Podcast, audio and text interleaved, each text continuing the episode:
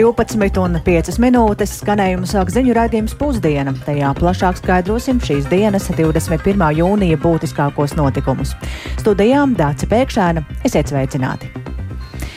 Pēc Krīmas sankciju pārkāpuma Latvijas Svetbank jāmaksā izlīguma nauda nepilni 3,5 miljoni dolāru, kas ir vairāk nekā 3 miljoni eiro ASV Finanšu ministrijas ārvalstu aktīvu kontrolas birojam. Pārkāpums ir saistīts ar kāda klienta darījumiem 2015. un 2016. gadā pārskaitot lielas naudas summas saņēmējiem Krimā. Zanēniņa ir sazinājusies ar Svetbanku, lai noskaidrotu lietas būtību, un um, šobrīd ir līdzās man studijā. Sveika, Zāne, un saki par cik lieliem pārskaitījumiem ir runa. Kā izriet no SV Finanšu ministrijas ārvalstu aktīvu kontrolas biroja ziņojuma, eh, Pirms Krievija anektēja Krimu 2014. gadā, Svetbank bija piesaistījusi kādu kuģniecības nozares klientu šajā pussalā, kuram piederēja trīs īpašam nolūkam dibinātas kompānijas, kurām katrai bija konts Latvijas Svetbankā.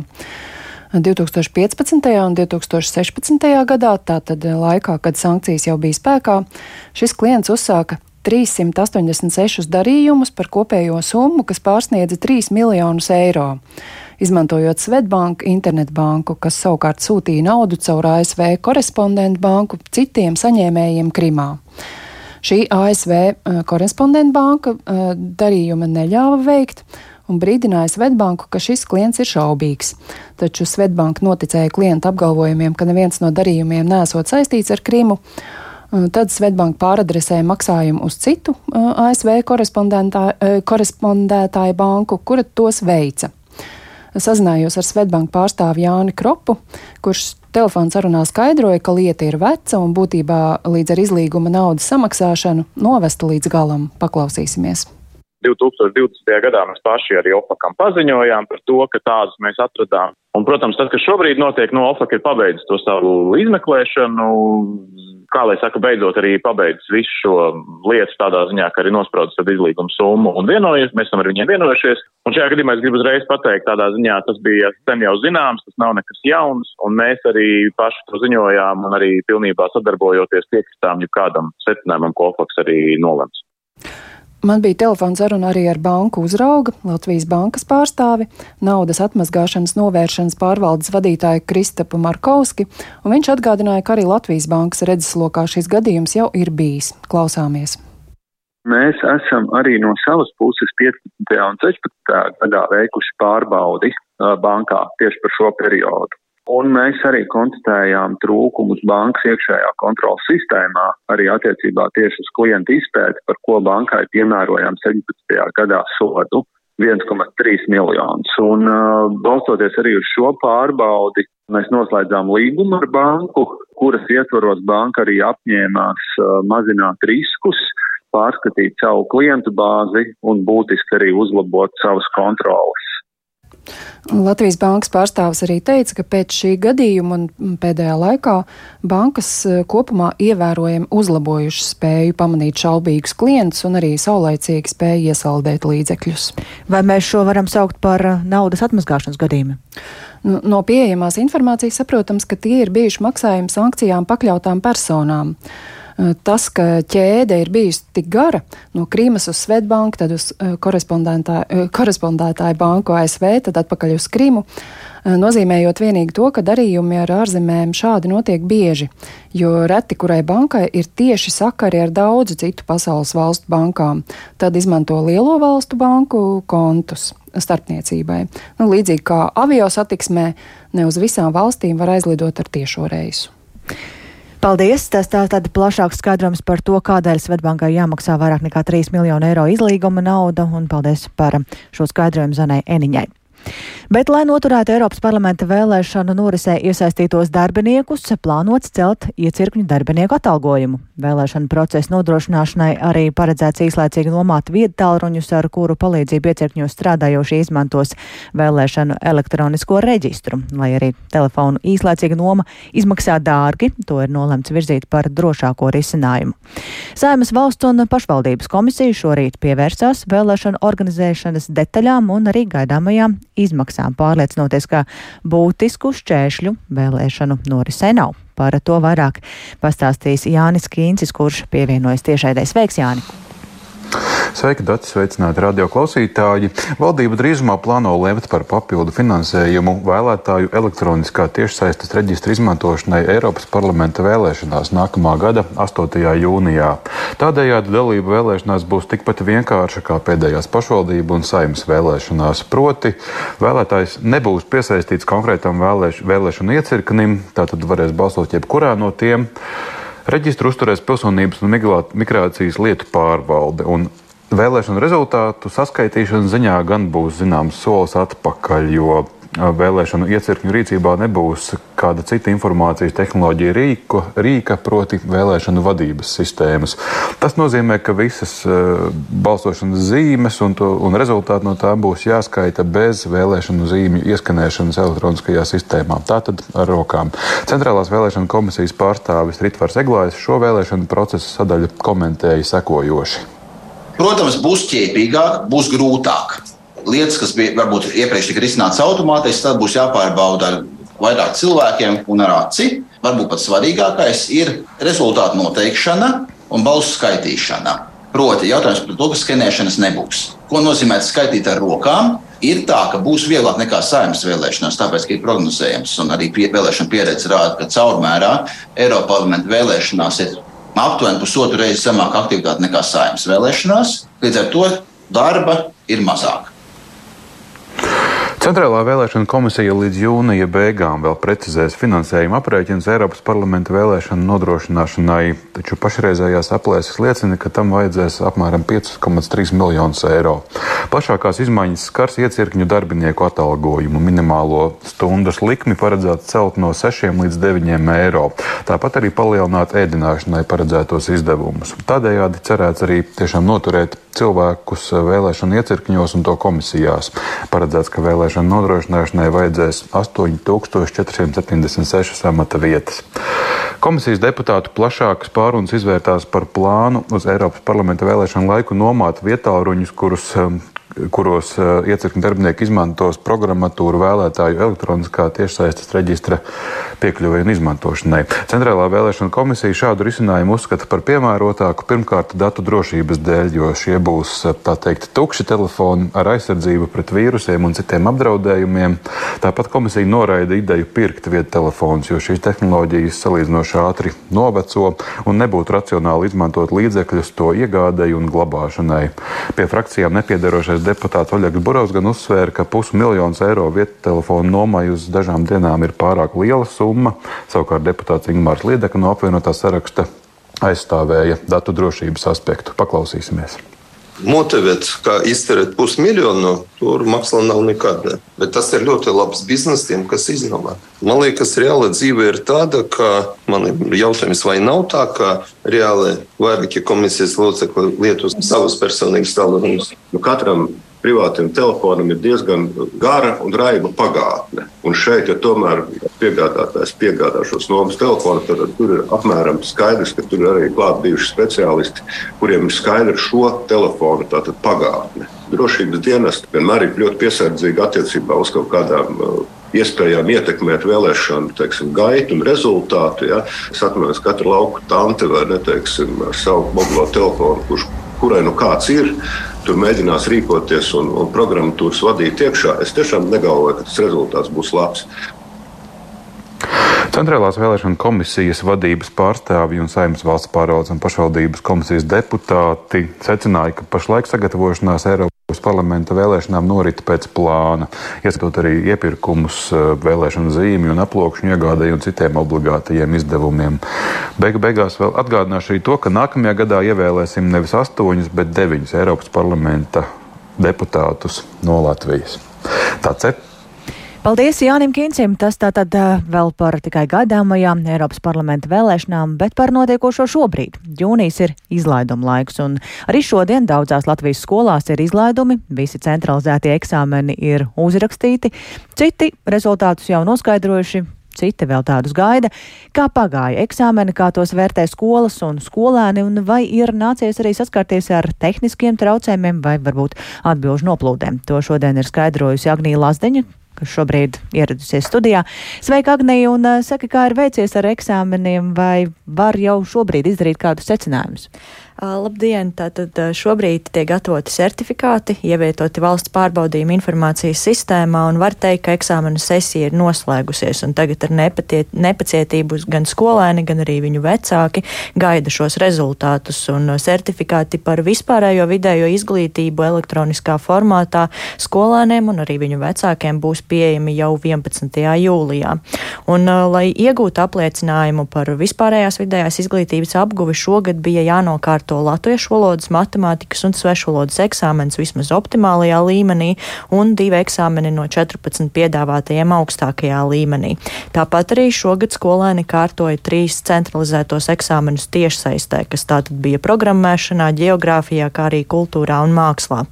Un uh, valsts izglītības satura centrs piekrīt, ka mā, šī mācību gada eksāmena sesija noteikti ir bijis liels izaicinājums visām iesaistītajām pusēm, jo tik būtiskas izmaiņas izmaiņas ierastā kārtībā ir ne tikai ārkārtīgi grūti ieviešamas, bet arī ļoti daudz prasa resursus. Un par to, kādi bija tehniskie traucējumi kārtojot tiešsaistes eksāmenus, plašāk izstāstīs valsts izglītības satura centra pārstāve Liena Bērziņa. Ja runājam par eh, to tiešsaistes eksāmenu noris, kas šajā mācību gadā notika valsts pārbaudījuma informācijas sistēmā, jā, tad uz noslēdzošo tiešsaistes eksāmenu bija daļa izglītības iestādes, kurām vajadzēja eksāmenu sākumu atlikt par divām stundām, proti eksāmenu sākums bija plānots desmitos, tad uh, eksāmens sākās 12. un jā, tur ir identificētas arī šīs tehniskās problēmas, jo eksaminācijas procesu apkalpo vairāk serveri, tad attiecīgi ar vienu no šiem serveriem bija radusies problēma, bet tā tika tūlītēji atrisināta 15 minūšu laikā, bet, lai nodrošinātos pret tālākiem riskiem, šis sākuma laiks tika pārlikts par divām stundām. Jālūk, tā ir gājis ar tiešsaistes eksāmeniem, un, protams, vienmēr ir arī jautājums par to, vai tika nopludinātas eksāmena atbildes. Un Bērziņa norāda, ka šajā mācību gadā ir bijis visa salīdzinoši mierīgi, ja neskaita pāris gadījumus, kad, piemēram, internetā tika ievietoti matemātikas eksāmena uzdevumi ar atbildēm, bet pēc pārbaudas secināja, ka tā nesot patiesa informācija, jo uzdevumi vēl skolām vienkārši nebija nodoti. Tāpat arī kāds skolēns ir ievietojis kāda eksāmena laikā uzdevumus, meklējot atbalstu un lūdzot pēc palīdzības tos uzdevumus aizpildīt. Un arī vairāki nelieli pārkāpumi, kad eksāmena laikā skolēni mēģinājuši cits no cita norakstīt, bet kopumā tādu lielu gadījumu nav bijis.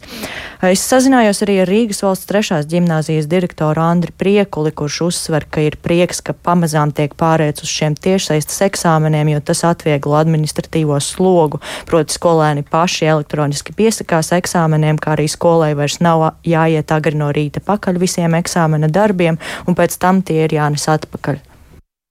Nu, lūk, e, trīs eksāmeni, kur īstenībā samazinās administratīvais sloks. Par to tiešām ir e, gandarījums un tā. Mēs noadministrējām labi, mums pietika gan interneta jaudas, mums gan pietika pārraides ātrums, mums piet, pietika arī uh, tehnika bija pietiekami moderna, lai skolniekiem nerastos šeit problēma lai viņi varētu vairāk domāt par saturu. Ja?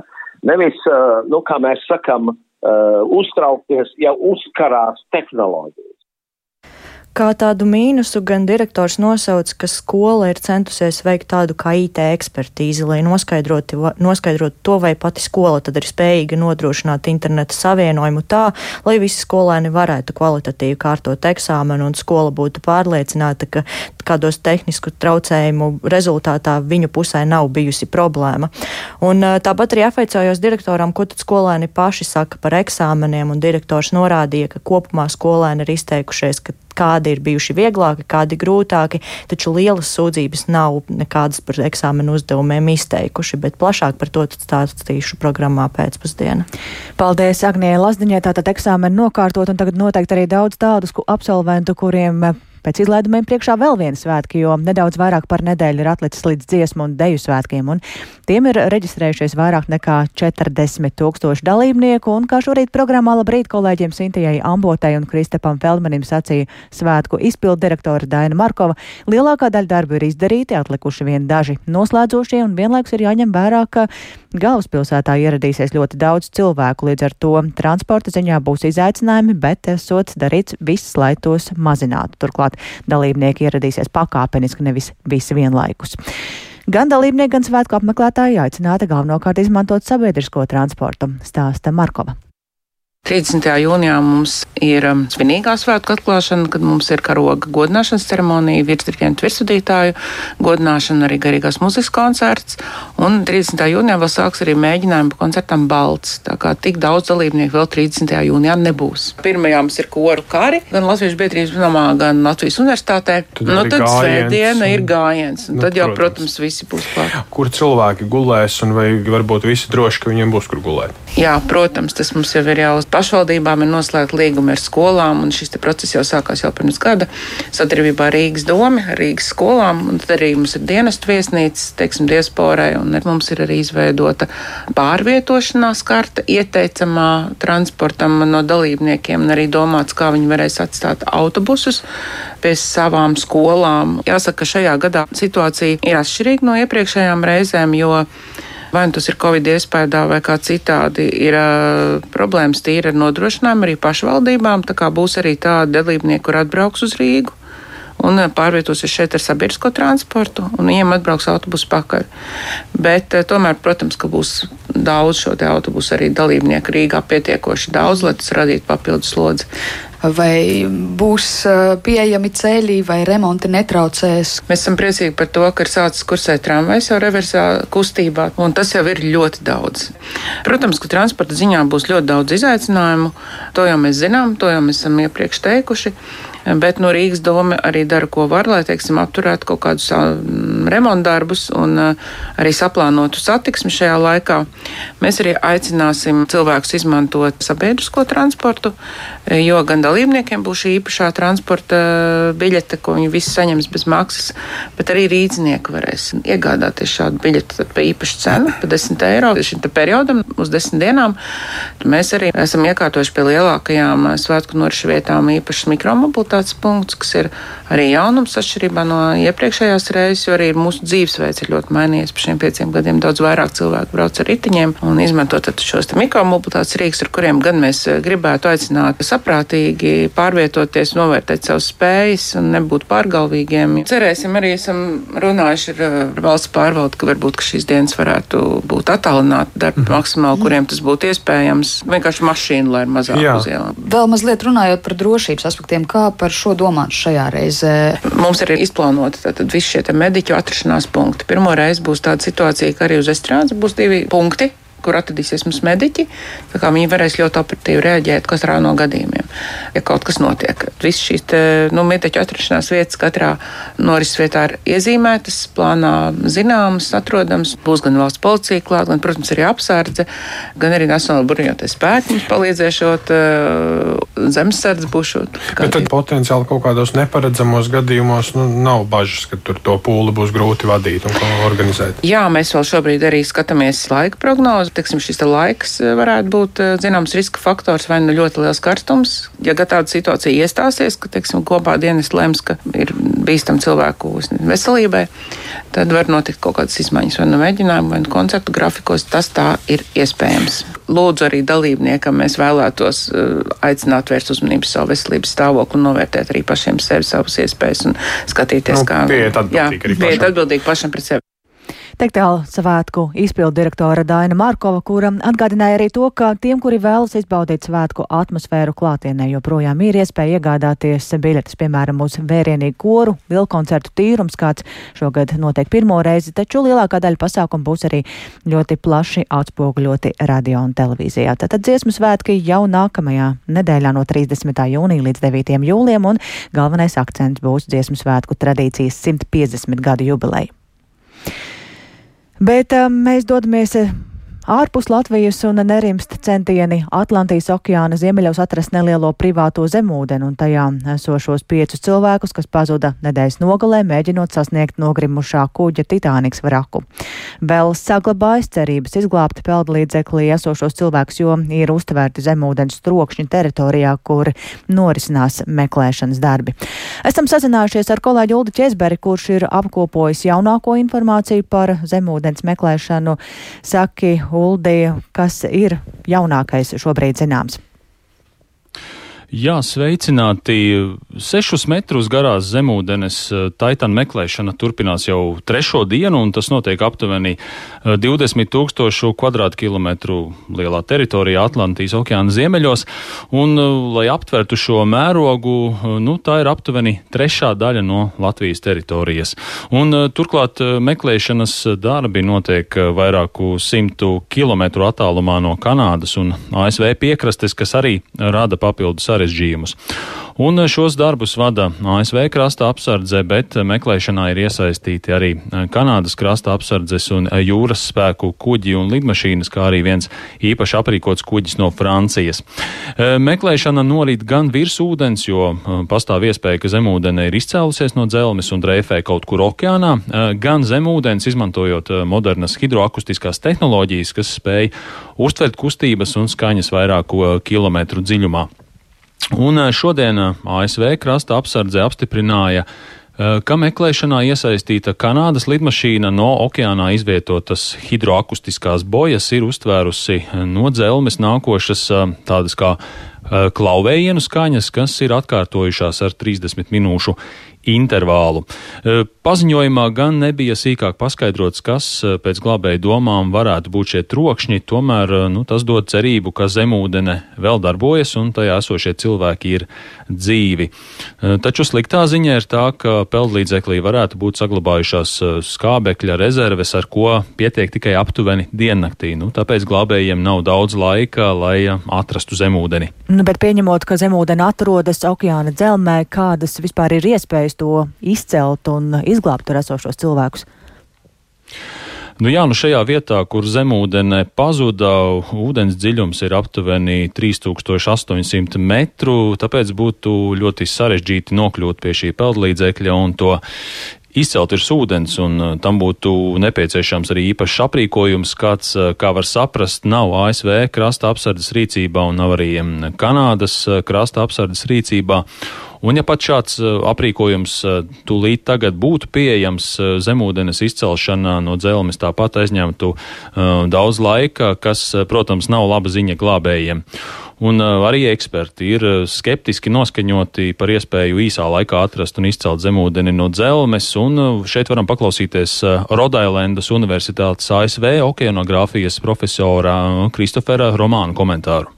There are not really efficient ways to survey the seafloor and find it because first you need to get assets there. Nav efektīvu veidu, kā pārbaudīt jūras dibenu un atrast zemūdeni, jo vispirms uz turieni ir jānogādā nepieciešamais aprīkojums, bet tas var prasīt vairākas dienas, jo peldu līdzeklis atrodas vairāku simtu jūdžu attālumā no krasta. Nekas nenotiek ātri, pēc tam vēl ir nepieciešams izstrādāt plānu, kā zemūdeni nogādāt virs ūdens. Tas viss prasa laiku un nav vienkārši. Tāda ir nepatīkama patiesība patiesība.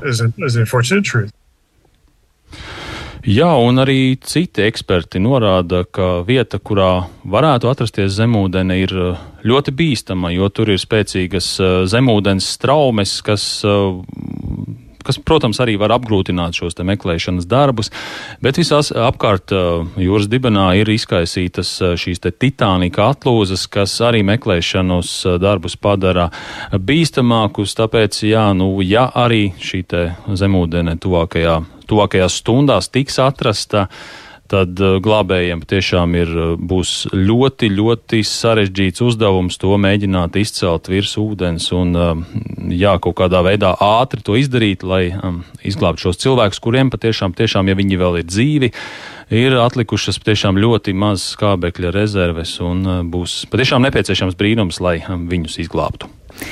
Paldies Uldim Česbarim. Tevis sacietajā sadzirdēja diezgan pesimistisks prognozes par iespējām izglābt uz zemūdens esošos cilvēkus. Un, jā, ar to arī šodien, šobrīd izskan raidījums pusdiena.